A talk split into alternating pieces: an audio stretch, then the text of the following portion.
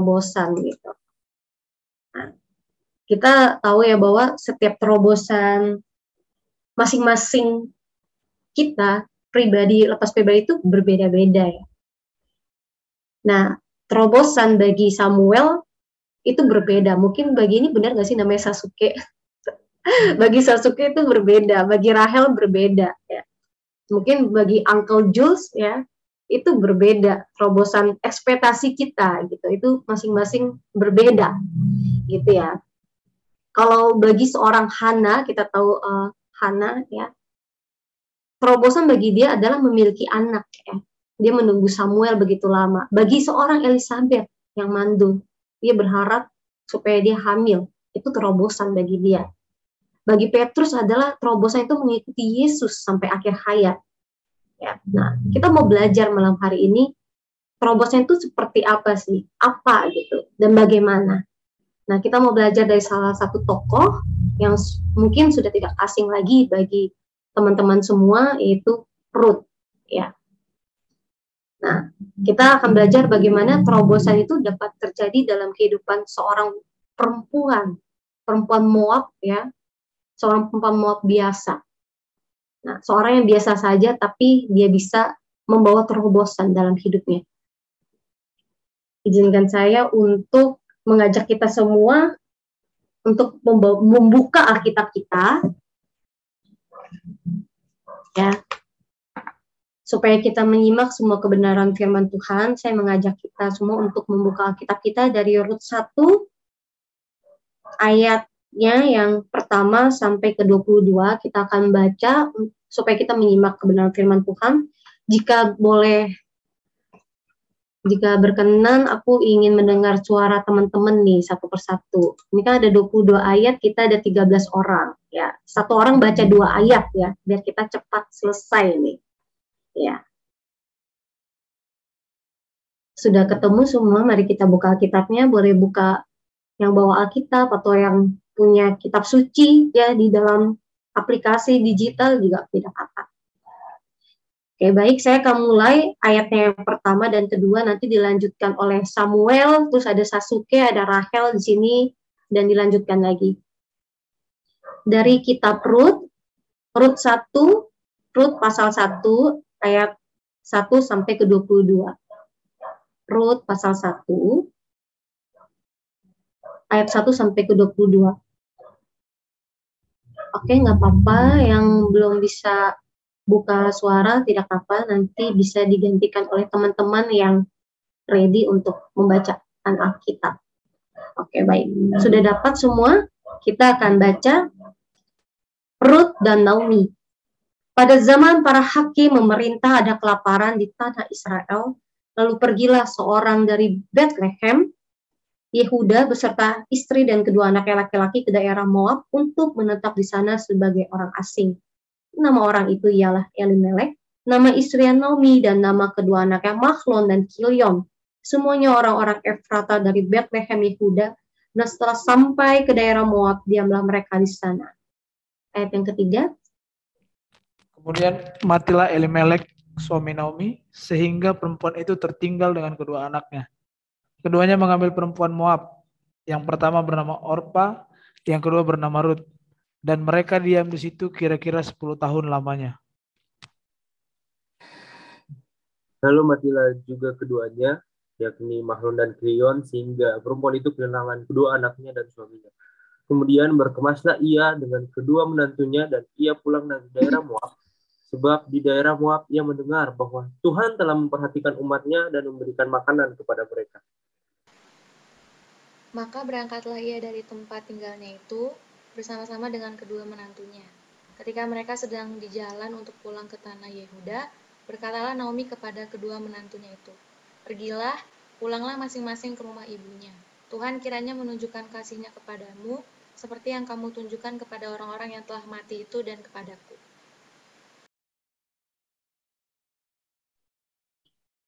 Kaleb.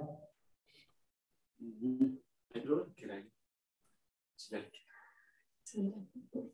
Kiranya atas karunia Tuhan kamu mendapat tempat perlindungan masing-masing di rumah suaminya.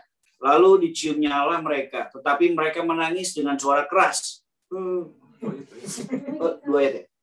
Dan berkata kepadanya, tidak, kami ikut dengan engkau pulang kepada bangsamu.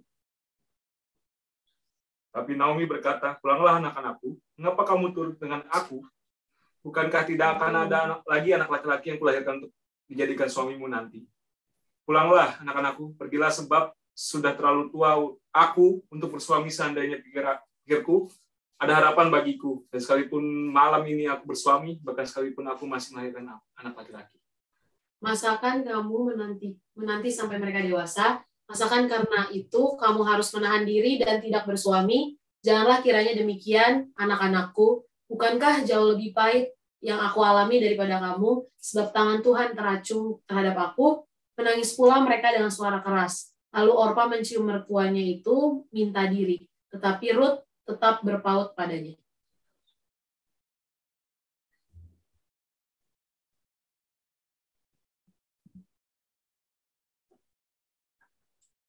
Oke, silakan dilanjutkan. Jules.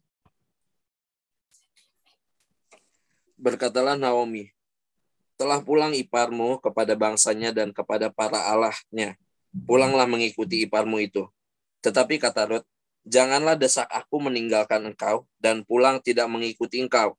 Sebab ke mana engkau pergi, ke situ jugalah aku pergi. Dan di mana engkau bermalam, di situ jugalah aku bermalam. Bangsa mulah bangsaku, dan Allah mulah Allahku.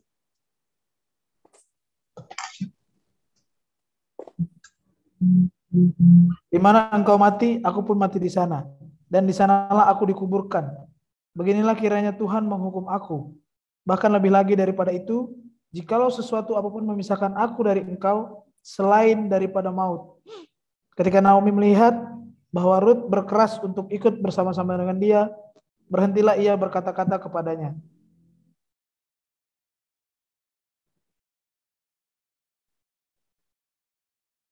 Dan, ber, dan berjalanlah keduanya sampai mereka tiba di Bethlehem. Ketika mereka masuk ke Bethlehem, gemparlah seluruh kota itu karena mereka dan perempuan-perempuan berkata, Naomi kah itu? Tetapi ia berkata kepada mereka, Janganlah sebutkan aku Naomi, sebutkanlah aku Mara, sebab yang maha kuasa telah melakukan banyak yang pahit kepadaku. Dengan tangan yang penuh aku pergi, tetapi dengan tangan yang kosong Tuhan memulangkan aku. Mengapakah kamu menyebutkan aku Naomi? Karena Tuhan telah naik saksi menentang aku dan yang maha kuasa telah mendatangkan malapetaka kepadaku. Demikianlah Naomi pulang bersama-sama dengan Ruth, perempuan Moab itu, menantunya yang turut pulang dari daerah Moab dan sampailah mereka ke Bethlehem pada permulaan musim menuai jelai. Kita sudah membaca firman Tuhan tadi, kita sudah sama-sama ya menyimak bahwa kisah Rut ya bagaimana uh, ini merupakan kisah yang baru kita baca tapi sudah penuh dengan masalah gitu ya menceritakan bagaimana seor seseorang yang tadinya mereka berkeluarga ya tapi setelah itu satu persatu ditinggalkan oleh suaminya. Jadi ada tiga janda ya yang diangkat dalam kisah ini. Saya akan mulai share screen ya sebentar.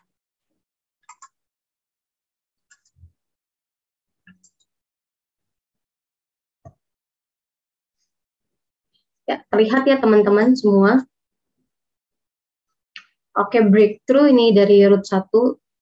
Yang pertama saya akan uh, mengajak kita untuk bersama-sama melihat uh, terobosan itu terobosan itu bisa dimulai dengan melalui perjumpaan ya tadi kita sudah uh, baca bersama-sama ya bahwa ada masalah gitu ya bagaimana Ruth ya bagaimana Naomi yang suaminya meninggal terus juga suami Ruth meninggal dan disusul dengan suami Orpa yang meninggal jadi ada tiga janda yang sedang berduka gitu ya dan kenapa ini menjadi suatu duka yang begitu mendalam bagi perempuan pada masa itu ya? Karena uh, pada masa Israel kuno itu perempuan yang tidak menikah atau seorang janda itu akan mengalami kesulitan ya dalam mencukupi kebutuhan sehari-hari itu. Karena mereka harta kekayaan pun dari laki-laki itu biasa diwariskan juga kepada anak laki-laki.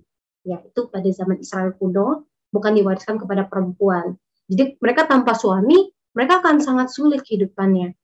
Jadi kita bisa menangkap bagaimana kesulitan yang dialami oleh tiga perempuan ini ya. Nah, maka dari itu mereka sangat membutuhkan perempuan pada masa itu sangat membutuhkan laki-laki untuk melindungi mereka ya dan menjamin hidupnya. Kita udah lihat tadi ada cerita tiga janda ya yang kehilangan suami mereka datang dari Moab, mereka akan hendak pulang ya kembali ke Yehuda. Kita tahu bahwa Ruth ini adalah orang Moab. Orpa juga orang Moab ya. Mereka merupakan menantu dari Naomi. Naomi ini bukan orang Moab ya, orang Yehuda gitu. Nah, mereka akan hendak kembali ke Yehuda tapi tadi kita sudah benar-benar membaca ya bahwa sampai Nomi mengatakan bahwa hidup mereka itu pahit, hidup dia itu pahit ya. Marah gitu, marah itu artinya pahit ya, susah gitu. Aku datang dengan tangan yang penuh ke Moab, aku pulang dengan tangan yang kosong. Ya. Tapi kita melihat dari perjumpaan ini ya, bagaimana perjumpaan Ruth dan Boas adalah perjumpaan yang tidak terduga kalau kita bisa melanjutkan nanti setelah ini teman-teman bisa baca selanjutnya di dalam kitab Rut 2 ya. Di sini saya mengajak kita untuk melihat ayatnya sudah ada di depan. Pergilah ia sampai ia di ladang dan memungut jelai di belakang penyabit-penyabit. Kebetulan ia berada di tanah milik Boas yang berasal dari kaum Elimelek. Jadi ketika Ruth tiba di Yehuda bersama dengan Naomi, mereka itu datang dalam keadaan yang tidak memiliki apa-apa. Satu seorang janda yang sedih, sudah usia lanjut. Yang satu lagi menantu juga sedih dalam keadaan duka, baru tinggal suami. Mereka tidak membawa apa-apa ke Yehuda. Ya, dalam keadaan susah, duka. Tapi ketika mereka berjumpa dengan seorang yang kita akan baca nanti, teman-teman bisa baca di Rut 2 yang bernama Boas, ya di situ dari pahit itu dari marah yang kita baca itu berubah menjadi manis. Ya, teman-teman. Pergilah ia sampai di ladang dan memungut jelai ke belakang di belakang penyabit-penyabit. Nah, di sini kita melihat kebetulan ia berada di tanah milik Boas.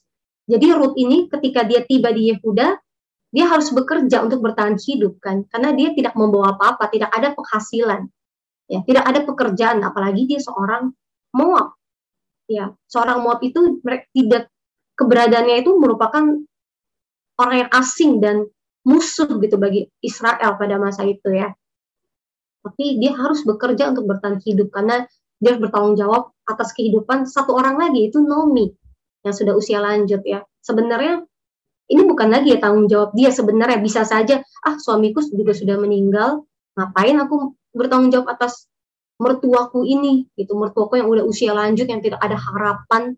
Tapi sekali lagi Ruth memilih untuk tetap setia. Tadi kita baca ya Naomi sudah bilang udah kamu pulang aja ikuti Orpa tapi dia tetap bersikeras untuk menemani Naomi yang pahit pada masa itu ya perjumpaan Ruth dengan Boaz di ladang ini memulai satu cerita ya teman-teman memulai suatu sejarah baru kelanjutan hidup umat Allah gitu ya. Bagaimana dalam kisah Rut ini itu yang menunjukkan Allah tuh dapat bekerja melalui perjumpaan-perjumpaan mungkin yang buat kita itu sepele. Buat kita ah itu mah nggak masuk hitungan lah sebagai terobosan. Tapi kita melihat bagaimana perjumpaan Ruth dan Boas dengan orang yang tidak terduga, perjumpaan yang tidak terduga yang tidak diatur-atur itu dapat membawa terobosan.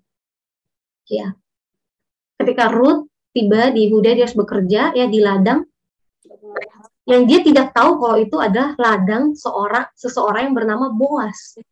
Ya ini Alkitab bilang ya kebetulan dia berada di tanah milik Boas. Dari semua ladang yang ada di Yehuda, dia bisa berada di ladangnya Boas. Ya ini berapa kali ku chat untuk Naya? Selebihnya aku nanya ke kakak. Oke. Okay. Kita masih unmute suaranya masuk teman-teman. Oke, baik ya. Bahwa dalam kita belajar ya, bahwa dalam kebetulan pun perjumpaan yang tidak terduga, rencana Allah tetap ada ya dalam perjumpaan itu. Ya. Dan ternyata Boas adalah berasal dari kaum Elimelek, suami dari Naomi. Jadi masih ada hubungan saudara ya, teman-teman. perjumpaan Ruth dan Bos ada perjumpaan tidak terduga ya.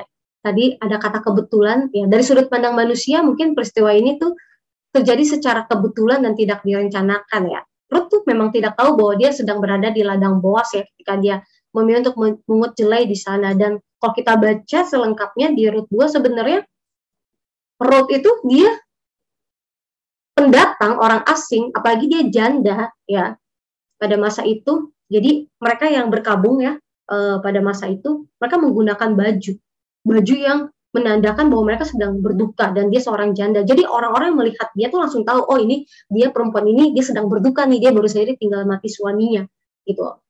Jadi orang langsung tahu nih dari ngeliat dia aja udah tahu dia ini siapa gitu dan apa yang sedang baru saja dialami. Nah, ketika kita lihat dia bercakap-cakap dengan Boas ya, ini mencerminkan awal mula pemulihan ya, terobosan itu terjadi gitu ya Bos bertanya nih, mungkin aku akan ceritakan secara singkat ya. Bos bertanya, itu siapa ya perempuan itu tiba-tiba dia ada di ladang kita, saya nggak pernah ngeliat dia sebelumnya gitu. Lalu orang-orang sekitar situ menceritakan, oh itu dia suaminya baru saja meninggal. Tapi dia tetap memilih untuk mengikuti mertuanya. Oh, dia itu istrinya dari Kilion. Oh iya, saya kenal Elemelek. Seperti itulah kira-kira ya Boas menanggapi cerita dari pekerja-pekerja dia ya tentang Ruth.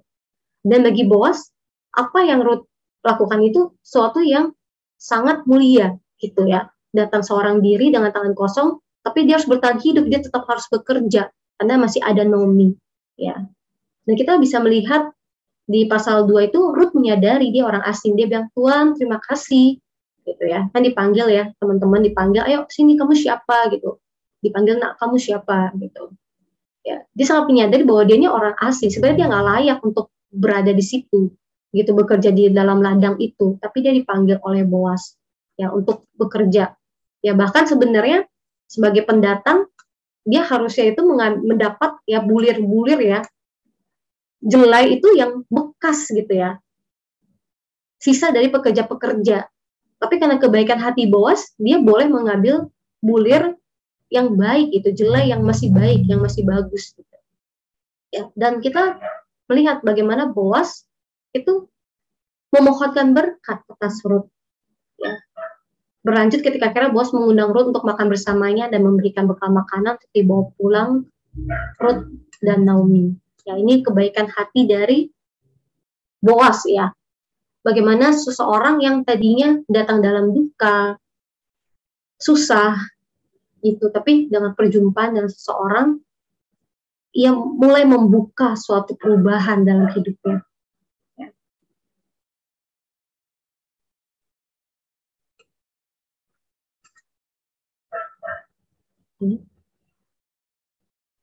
Perjumpaan Ruth dengan Boas di ladang menjadi sejarah baru nih bagi kelanjutan hidup umat Allah. Dan hal ini kita bisa belajar teman-teman bahwa Allah itu dapat bekerja melalui hal-hal yang sederhana. Mulai perjumpaan-perjumpaan dengan seseorang bahkan mungkin orang jauh sekalipun. Mungkin orang yang kita nggak pernah pikirkan dia sanggup untuk menolong kita. Mungkin orang yang kita tadi pandang remeh gitu. Atau orang yang mungkin kita tidak pernah duga-duga mungkin kan dia dulu seteru kita atau mungkin orang yang sudah lama tidak berjumpa gitu atau mungkin orang yang pernah kita tolong bahkan di masa lalu itu itu bisa kembali lagi kepada kita gitu jadi ini yang aku katakan bahwa terobosan itu dimulai dari hal-hal yang tidak terduga di tempat yang tidak terduga, di waktu yang mungkin tidak terduga. Gitu. Ya. Baba Brown Taylor ini seorang penulis ya dari Amerika. Dia menulis artikel dengan judul Everyday Sacraments nih teman-teman. Ya ini menuliskan ke mana pun saya memandang hal-hal yang tidak berarti dalam dunia, ini tengah menyampaikan khotbah-khotbah kecil kepadaku. Ke mana pun saya berpaling, dunia tengah memancarkan terang. Ya, Barbara Brown Taylor ini dia ingin memberikan uh, sesuatu ya untuk membuat kita berpikir gitu ya bahwa ke mana pun dia melangkah mungkin dia melihat hal yang tadi tidak berarti bagi dia gitu ya mungkin simple gitu ya kita bangun pagi kita buka pintu terus kita lihat hal pertama yang kita lihat mungkin siapa orang tua kita atau kakak kita atau adik kita atau kita langsung buka jendela terus kita ngeliat matahari terbit atau kita ngeliat pohon uh, daunnya jatuh berguguran gitu. Ketika kita melihat hal-hal yang mungkin bagi kita itu sesuatu yang sepele tapi ternyata Tuhan berbicara dan berkarya di dalam kejadian-kejadian sehari-hari kita gitu. Makanya dibilang everyday sacraments. Ya. Ini ingin mengajak kita semua bahwa sesuatu yang kita jumpai baik itu sesama ciptaan kita sama ciptaan Tuhan ya. Ada manusia di dalamnya ada tumbuh-tumbuhan ya. Itu tengah membawa kita untuk melihat kepada rencana Allah yang begitu indah. Makanya dikatakan ke mana pun saya berpaling dunia ini tengah memancarkan terang di dalam dunia ini. Ya semua ada di dalam dunia ini. Ya ada gerejanya ada sahabat-sahabat kita bahkan mungkin orang-orang menjadi seteru kita ya. Tuhan bisa pakai itu ya, untuk menjadi satu jalan yang mengantarkan kita kepada terobosan ya.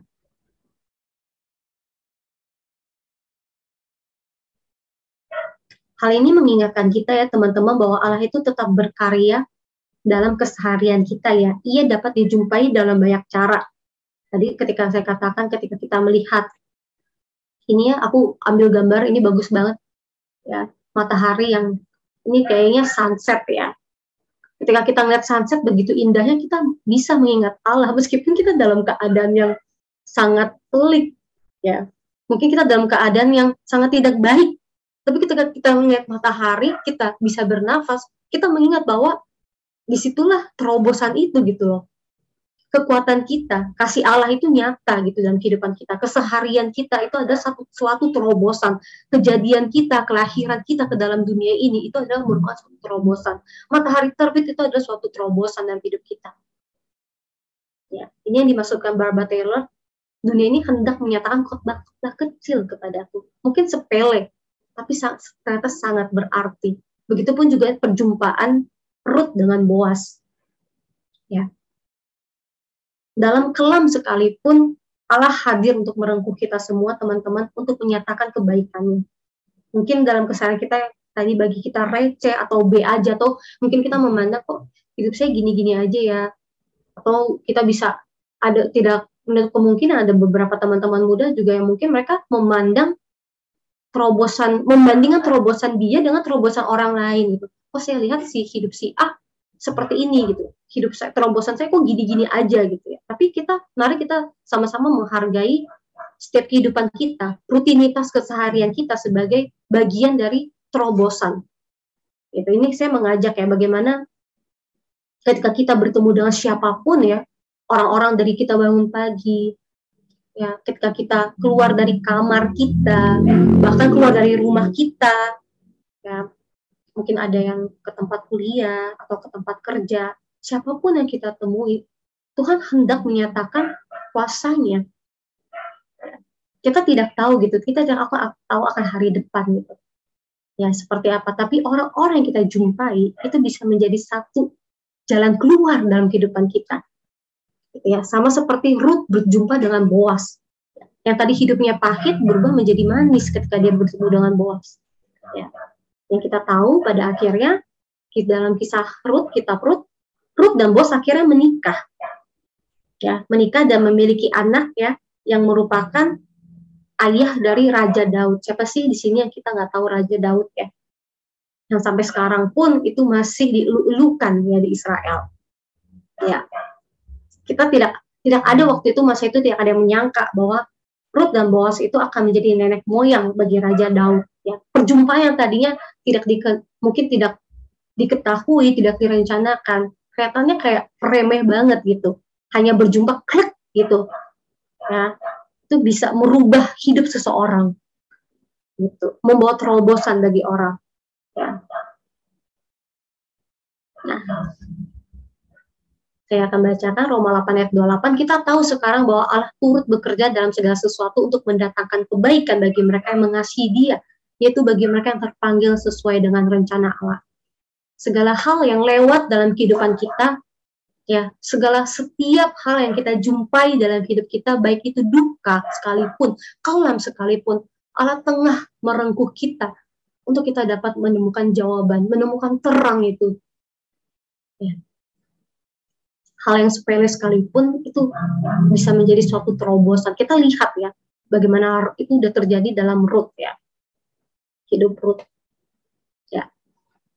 Terobosan itu dapat terjadi dengan cara yang tidak terduga gitu, di tempat yang tidak terduga, di tengah kesederhanaan, ya bahkan di tengah liku, lika-liku kehidupan yang mungkin buat kita ah ya seper, seperkian persen sih ini bakal menjadi terobosan ya tapi bagi saya orang-orang yang dewasa iman ya mereka sanggup bertanggung jawab mampu bertanggung jawab dengan keseharian mereka dengan rutinitas mereka dan dapat menjadikan itu suatu terobosan ya.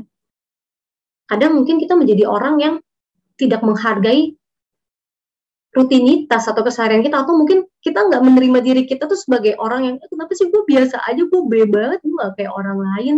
Gue ngeliat si A ngeliat si B udah keren banget pelayanannya udah keren banget kerjaannya ya udah bener-bener wah kita lihat ya kayak kalau ngeliat sekarang nih ya anak-anak muda itu kiblatnya itu pingin cepet kaya kan gitu. ini hati-hati nih ya sekarang katanya Ibu Sri Mulyani tuh mulai cari crazy rich crazy rich yang ada di TikTok kan gitu. Nah itu orang-orang anak anak muda tuh kiblatnya ke sana sampai kita juga kenal kan dengan istilah FOMO kan, fear of missing out gitu. Mulai nih banding membandingkan gitu. Ah, aku kok gini-gini aja ya. Nah, kamu yang gitu-gitu aja pun sekalipun Tuhan sanggup melakukan terobosan dalam hidup kamu. Hargai itu sebagai suatu anugerah Begitu juga kita lihat dari Ruth ya yang tadinya orang Moab tidak dianggap, apalagi janda. Janda itu benar-benar urutan ketiga bagi orang Israel pada masa itu. Benar-benar siapa sih kamu? Nggak berharga. Tapi Tuhan mem mempertemukan dia dengan seorang yang sangat baik hati yaitu Boas. Yang ternyata merupakan sanak saudara dari suami Naomi. Ya, kita lihat bagaimana ke kebaikan itu berbalik lagi dengan kebaikan. Ya. Nanti kita akan uh, telaah lebih dalam lagi ya. Nah, terobosan dapat terjadi melalui jalan kesetiaan.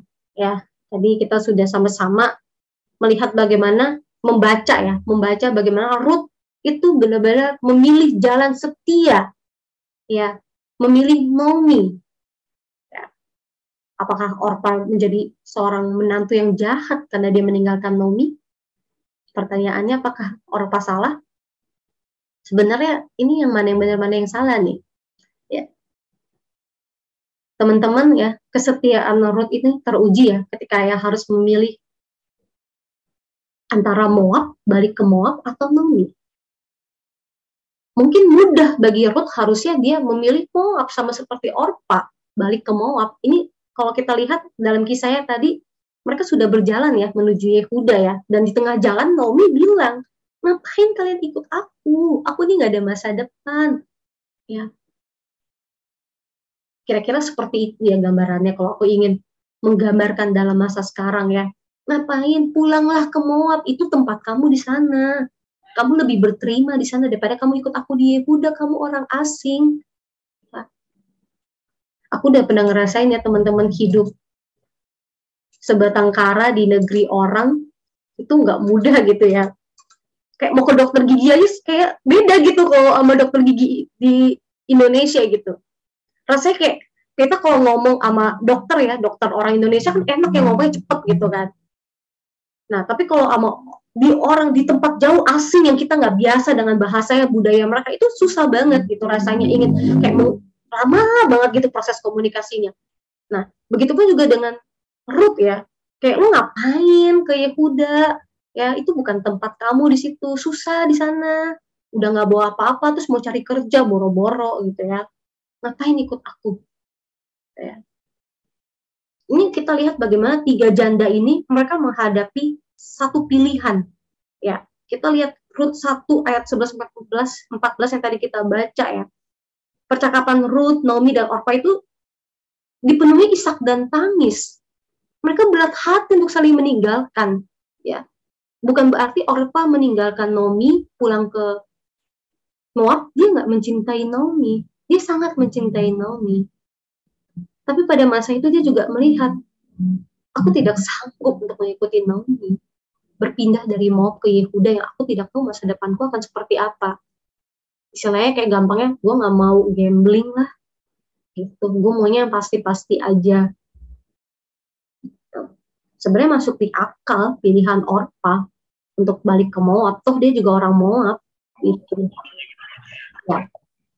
Orpa memilih kembali ke Moab ya dengan hati sedih gitu ya. sedangkan Ruth kita tahu ia bersikeras untuk memilih Naomi ya.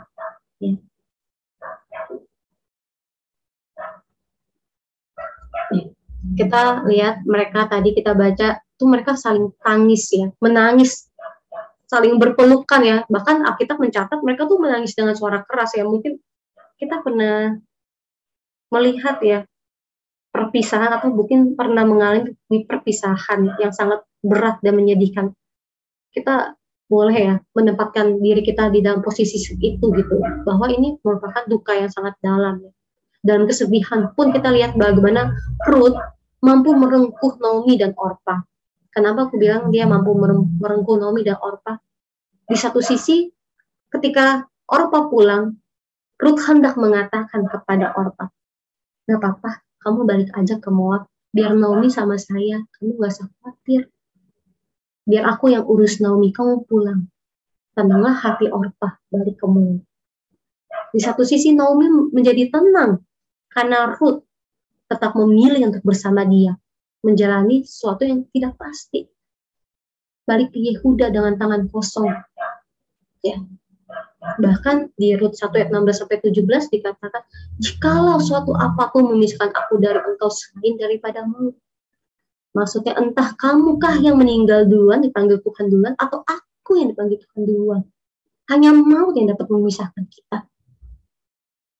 Itu perkataan Ruth kepada Naomi. Ya, di tengah kekelaman sekalipun, Ruth mampu menjadi jawaban bagi Orpa dan Naomi. Ya, apakah dia sedih? Sedih. Kalau kita mencatat dia menangis, menangis dengan suara keras. Ya, ini ada satu ini ayat ya, ayat 16 sampai 17 ini aku ambil dari buku buku terbitan LAI ya. Ini kalau dalam bahasa Ibrani-nya kira-kira seperti ini, teman-teman. Jadi seperti uh, sajak, seperti puisi, ucapan Ruth kepada Naomi. Ini indah banget ya. Ini menurut aku ini kalau teman-teman mau tahu unlimited love itu apa, bacalah kisah ini. Ya. Janganlah desak aku meninggalkan engkau dan pulang dengan tidak mengikuti engkau.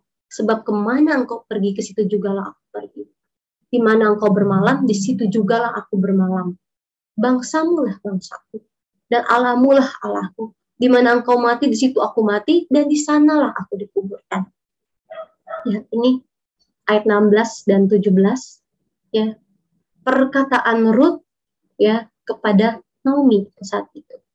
Ya, dengan isak tangis yang hebat. Ya. Apa yang Ruth dapatkan ketika dia memilih Naomi? Ya, berkat kesetiaannya, Ruth mendapatkan belas kasihan Allah melalui Boas yang merupakan suami Naomi yang meninggal karena meninggal eh, dia adalah seorang kerabat Elimelek ya. Dan dikatakan dalam Alkitab Boas ini sangat kaya raya ya. Kalau kita baca di pasal yang kedua itu ceritakan lengkap gitu dia memiliki ladang, dia punya pengerja-pengerja, pekerja-pekerja, bahkan dia punya kuasa untuk mengatur pekerja-pekerjanya itu. Ya. Sebenarnya di dalam Alkitab ketika saya baca ya, ini Ruth ini orang Moab, ya, bukan orang Israel. Ya.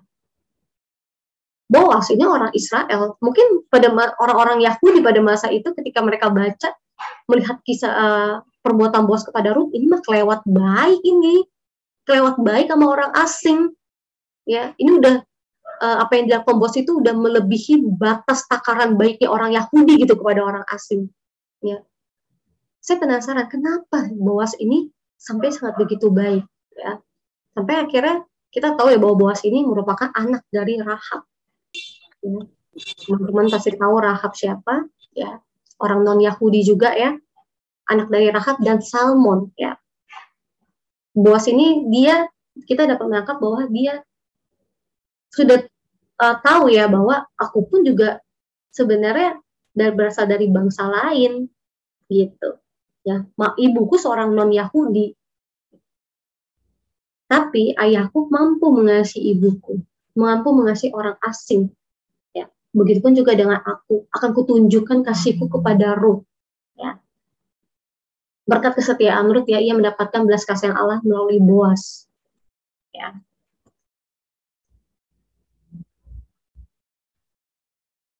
Tindakan Ruth untuk mengikuti keputusan dia untuk mengikuti Naomi itu merupakan keputusan yang tepat ya. Dan bahkan mengantarkan dia kepada kebaikan. Ya. Ruth tuh sangat bisa ya teman-teman untuk mengikuti keputusan Orpa ya, tapi dia memilih memikul beban bersama Naomi ya karena begitu besar kasihnya dia kepada Naomi. Ini yang bisa kita sebut cinta itu tidak memandang rupa ya teman-teman, tidak memandang asal usul, tidak memandang latar belakang, inilah yang kita bisa bilang tadi aku bilang unlimited love gitu ya bagaimana kasih itu kesetiaan itu mampu mengatakan kita kepada satu terobosan yang tidak terduga. Ruth itu benar-benar dia bekerja ya teman-teman. Ketika dia tiba di Moab ya dia bekerja. Alkitab juga mencatat bahwa dia bekerja tuh dari pagi tanpa henti gitu ya. Untuk sebagai salah satu jalan untuk dia bertahan hidup di tanah orang, di tempat asing. Dan ini hal ini dilihat oleh Boas sebagai satu hal yang mulia. Tergeraklah hati Boas untuk mengasihi Allah. Ya. Aku jadi ingat ya teman-teman, kalau teman-teman tahu Spider-Man, film Spider-Man yang No Way Home ya, yang baru baru tahun lalu ya kalau nggak salah itu. Itu aku ada terkesan sama ketika May Parker ya, ini bukan uh, aku spoiler ya teman-teman ya. Jadi ini May Parker ini ketika ini ada nisannya ya teman-teman di nisan May Parker ini ada tulisan yang menurut aku simple tapi deep gitu buat aku ya. When you help someone, you help everyone. Ketika kamu menolong satu orang, seseorang, kamu tuh udah menolong banyak orang gitu. Ini tuh ingin mengatakan kepada kita semua, satu orang yang kita tolong itu sudah kita sudah banyak menolong banyak orang. Karena kenapa? Kebaikan itu itu nggak pernah berhenti di satu orang itu. Ya. Misalnya saya nih menolong Kaleb. Ya. Kaleb yang mendapatkan kebaikan saya, dia akan menolong orang lain lagi. Oh tadi saya sudah menerima kebaikan saya juga harus melakukan kebaikan, meneruskan kebaikan itu. Begitupun juga orang yang kita tolong akan meneruskan kebaikan itu. Dan kebaikan itu dapat berbalik kepada kita. Menjadi satu terobosan. Ya. Satu langkah kecil dapat menjadi terobosan bagi diri kita dan bagi banyak orang. Kebaikan dan kesetiaan yang kita berikan bagi orang lain itu dapat berbuah begitu rupa di luar dugaan kita Ya.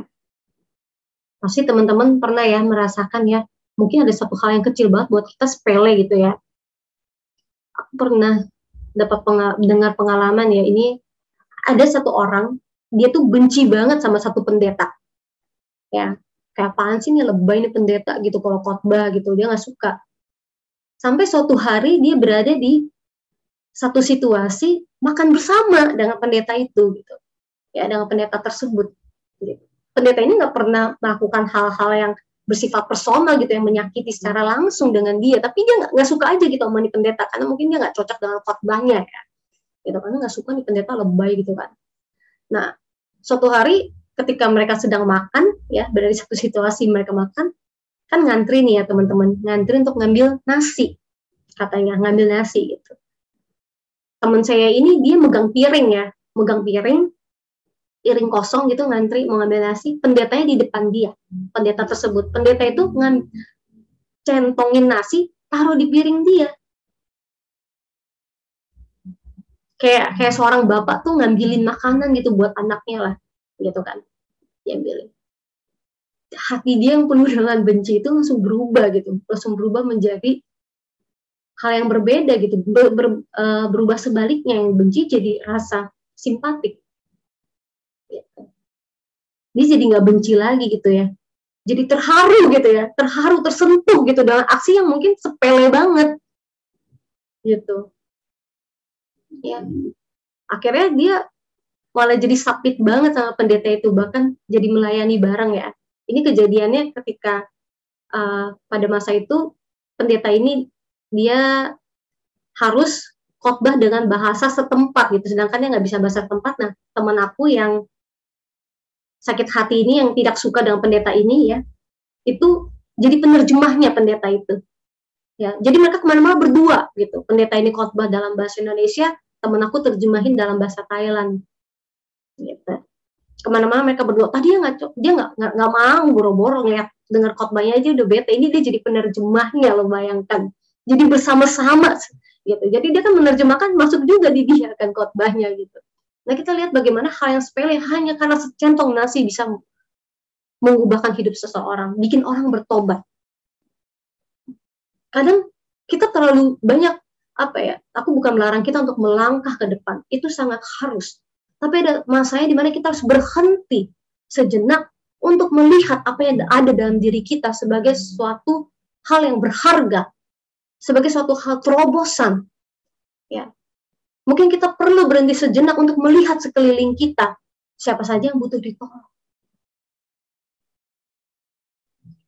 Hal apa yang bisa kita bantu, kita lakukan. Mungkin sepele hanya dengan ucapan, satu ucapan atau dua ucapan, itu mampu menjadi terobosan kita nggak akan pernah tahu. Eh, hal yang kecil sekalipun itu dapat berbuah begitu rupa di luar dugaan kita.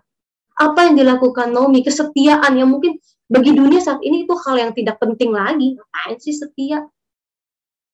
Ya, tapi dia memilih untuk setia. Ya, dengan Naomi, apa yang dia dapatkan? Dia dapatkan Boas,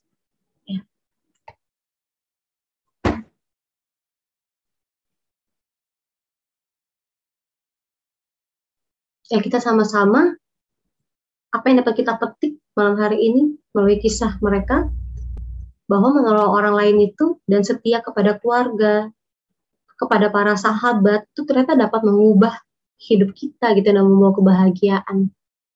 Ya. Jadi dengar ada teman ya di sini tadi lupa namanya yang cerita ya. Terobosan bagi dia itu perubahan gitu ya apa nih yang pernah dialami cerita orang tuanya sakit ya sakit kena covid delta gitu terus sembuh gitu ya itu satu terobosan gitu. Ya kita bahagia kan ketika kita melihat keluarga kita bahagia. Ketika kita melihat sahabat kita mungkin tadi susah terus kita tolong mereka jadi bahagia lepas dari masalah. Ya Mungkin buat kita itu sepele, tapi itu merupakan terobosan, terobosan-terobosan yang kecil dan sangat berharga. Ya, dan mungkin kita lupakan, ya, kesederhanaan itu suatu terobosan loh teman-teman. Keseharian kita itu juga merupakan terobosan loh, yang kadang kita nggak sadari. Makanya tadi aku bilang kita perlu berhenti sejenak, memahami diri kita sendiri, melihat kehidupan kita.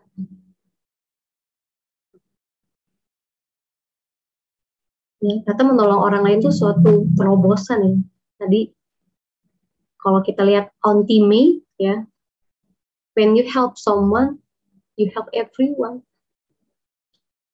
Kita nolong satu orang kebaikan itu akan menular menular menular menular ke orang lainnya.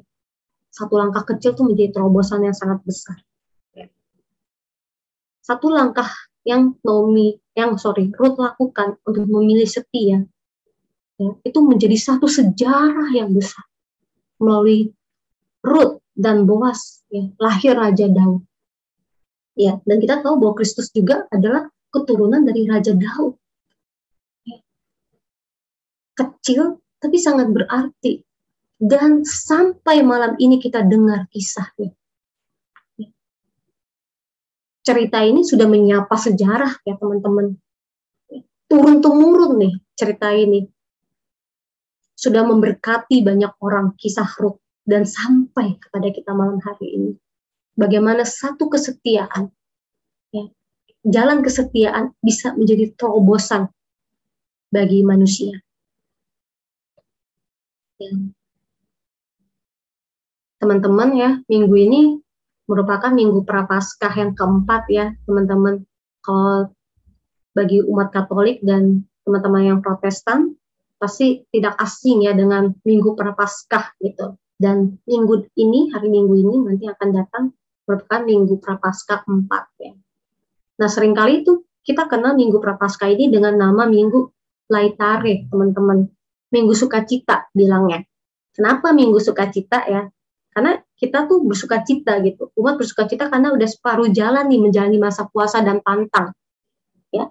Kita mulai puasa dan pantang itu dari minggu pertama ini udah mau selesai nih bentar lagi udah mau menjelang paskah nih ya jadi minggu sukacita ini hendak mengingatkan umat bahwa masa prapaskah ini merupakan simbol perjuangan kita di dunia untuk mengambil puasa dan pantang untuk mencapai sukacita abadi yang diperoleh melalui kehidupan, wafat, dan kebangkitan sang anak yaitu Yesus Kristus ya yang kita yang dilambangkan oleh Paskah ya.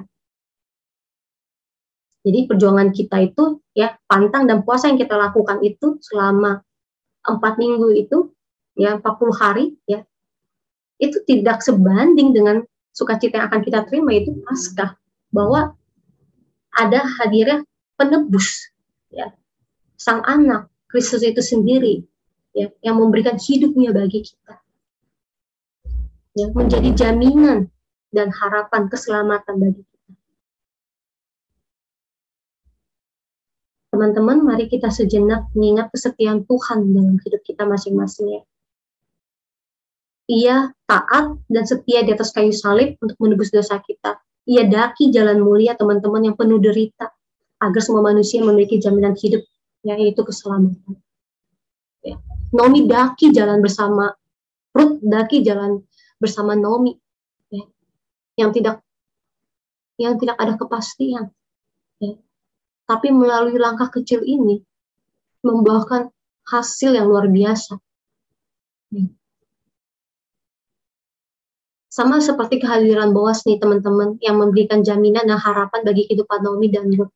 Ya, tadi di awal aku udah jelasin perempuan janda dan tidak menikah itu itu akan sangat sulit ya bagi orang Israel pada masa itu. Ya mereka memerlukan laki-laki untuk memberikan jaminan dan hidup mereka. Tidak ada nih jaminan ya suami mereka udah mati, udah meninggal gitu ya. Nggak ada lagi yang bisa memberikan uh, jaminan ya untuk mereka bertahan hidup sehari-hari. Tapi Boas datang di tengah kekelaman itu. Ya, Tuhan memakai Boas ya. Perjumpaan dengan Boas ya, yang tadinya pahit menjadi manis kehidupan Naomi dan Ruth. Ya demikian juga dengan kehadiran Kristus memberikan keselamatan dan harapan dalam kehidupan setiap insan manusia kesetiaannya itu merupakan the real breakthrough dalam kehidupan kita teman-teman dan itulah terobosan sejati dalam hidup kita ya. Ada satu lagu yang sangat memberkati saya. Itu dari PKJ PKJ 154 itu tentang kesetiaan. Gitu ya. Lagunya tuh kalau saya boleh nyanyiin ya seperti ini ya teman-teman. Setiakan diriku padamu Tuhanku dan siapkah hatiku mengiringmu terus ku harus mengaku tidak tekun, semangat pun rentan. Dan jiwaku yang rapuh membuatku bercelah. Lagu ini hendak mengatakan kepada kita ya, dalam hidup kita yang rentan ya, dan rapuh di situlah Allah hadir dalam hidup, hidup kita untuk merengkuh kita. Di sini merupakan pertanyaan juga ya melalui lagu ini ya. Setiakah diri kita kepada Tuhan? Siapkah kita mengiring dia berjalan bersama Tuhan? Ya, tidaklah selalu mudah, teman-teman. Begitulah kali-kaliku kehidupan kita ya. Setiap umat manusia ada dinamikanya. Kadang di atas, kadang di bawah. Ya kadang biasa-biasa aja, seperti tidak ada yang satu spesial dalam hidup kita. Tapi apakah kita mampu terus bertanggung jawab sebagai ciptaan Tuhan? Ya? ada banyak hal yang kita hadapi di dunia ini teman-teman ya perjumpaan-perjumpaan banyak sekali ya kalau misalnya kata ada apa dengan cinta tuh seribu purnama gitu ya seribu purnama ya kita berjumpa dengan banyak orang gitu ya nggak tahu udah berapa orang kita jumpai dalam hidup kita dari yang barbar banget sampai baik banget tuh ada gitu ya, ya. Sudah berapa jauh gitu ya berapa lama kita menjalani rutinitas kita hari-hari kita yang gitu-gitu aja gitu. Tapi apakah kita setia tetap mengikut Kristus? Dan mampu bertanggung jawab baik itu di tengah rutinitas sekalipun baik itu di dalam kekelaman sekalipun apakah kita tetap bisa berfungsi dengan baik gitu ya? Berfungsi dengan baik bagi sesama ciptaan. ya bagi setiap orang yang kita jumpai yang kita temui gitu ya. Apakah kita sudah berbuat kebaikan? Apakah kita sudah mengambil satu langkah kesetiaan yang penuh kasih itu? Kepada sahabat kita, kepada keluarga kita, atau orang jauh sekalipun seperti Boas dan Ruth. Orang yang mungkin menurut kita, ini orang nggak pantas banget gitu dapat kasih kita gitu. Ya, dia siapa dia gitu. Gue aja sama keluarga gue nggak sebaik itu, ngapain gue baik sama dia gitu. Dia kan kayak jauh banget ya. Bukan inner circle gue lah yang butuh gue tolong, tapi orang seperti itu pun tuh butuh pertolongan kita sekecil apa pun ya kita lakukan itu sangat berarti ya teman-teman mulai dari ucapan kita apa pun perbuatan kita kayak tadi aku bilang karena hanya karena satu centong nasi aja ya itu bisa buat orang bertobat gitu ya itu udah menjadi terobosan gitu ya. Centong nasi itu bisa menjadi terobosan ya. Teman aku yang tadinya nggak pernah pelayanan akhirnya dia pelayanan jadi penerjemah loh. Penerjemah pengkhotbah sampai ke mana-mana itu di bawah dia ya. Jadi kita lihat ya teman-teman bahwa terobosan itu dapat terjadi di tempat yang tak terduga, di waktu yang tak terduga, dan perjumpaan yang tak terduga. Entah apa pun itu yang kita jumpai, teman-teman. Ya. Apakah itu mungkin kita melihat bunga, matahari, atau melihat wajah orang tua kita, melihat kerutan yang ada di wajah papa mama kita semakin hari mereka semakin menua. Ya kita mengingatkan kasih Allah dalam kehidupan kita. Saya mengajak kita semua untuk sama-sama memandang kepada Allah dalam setiap apa pun musim hidup kita teman-teman. Sama seperti Ruth yang mengatakan kepada Naomi teman-teman, Allahmu lah Allahku. Perkataan itu yang membuat dia tidak gentar untuk meninggalkan Moab dan pergi melangkah bersama Naomi.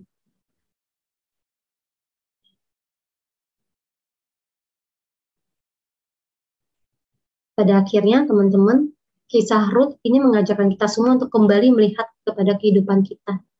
Sudahkah kita menyadari bahwa kelahiran kita ini keseharian kita sebagai suatu terobosan hidup yang Allah telah anugerahkan bagi kita.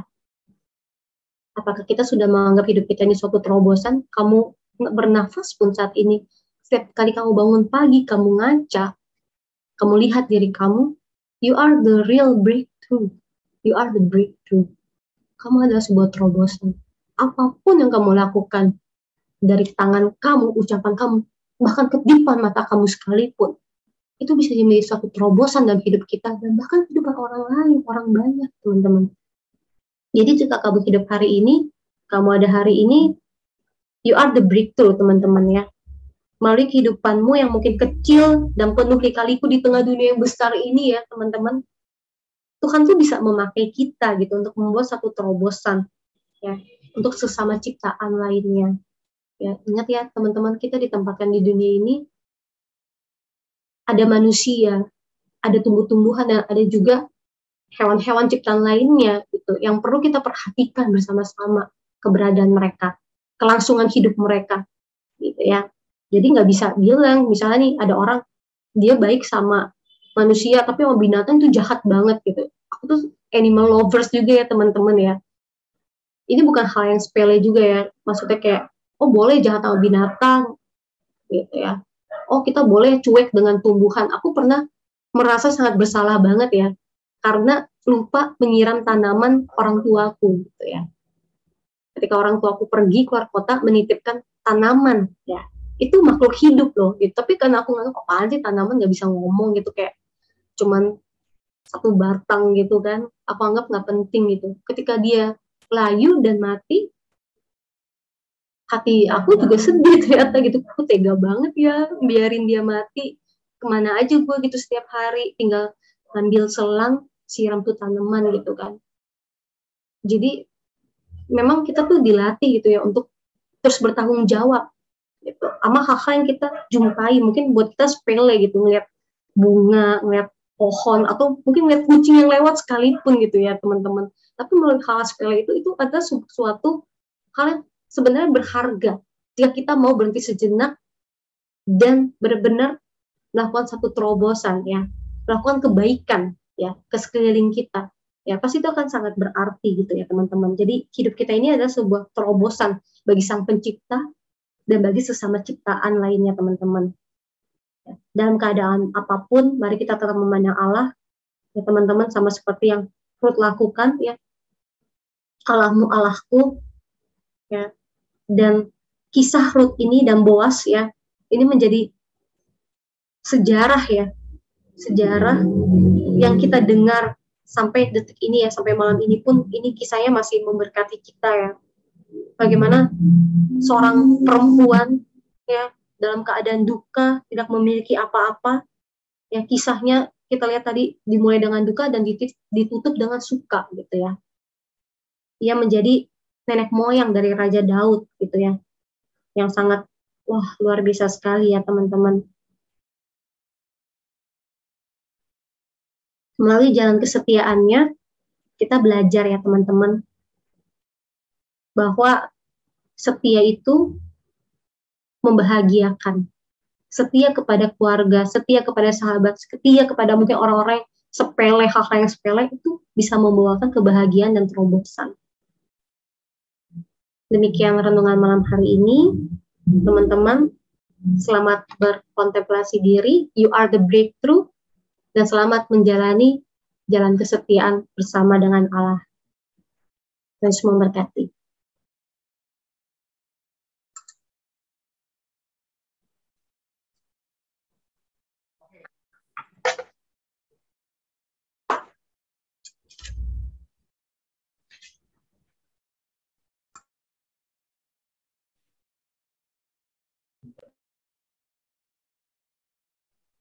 Oke.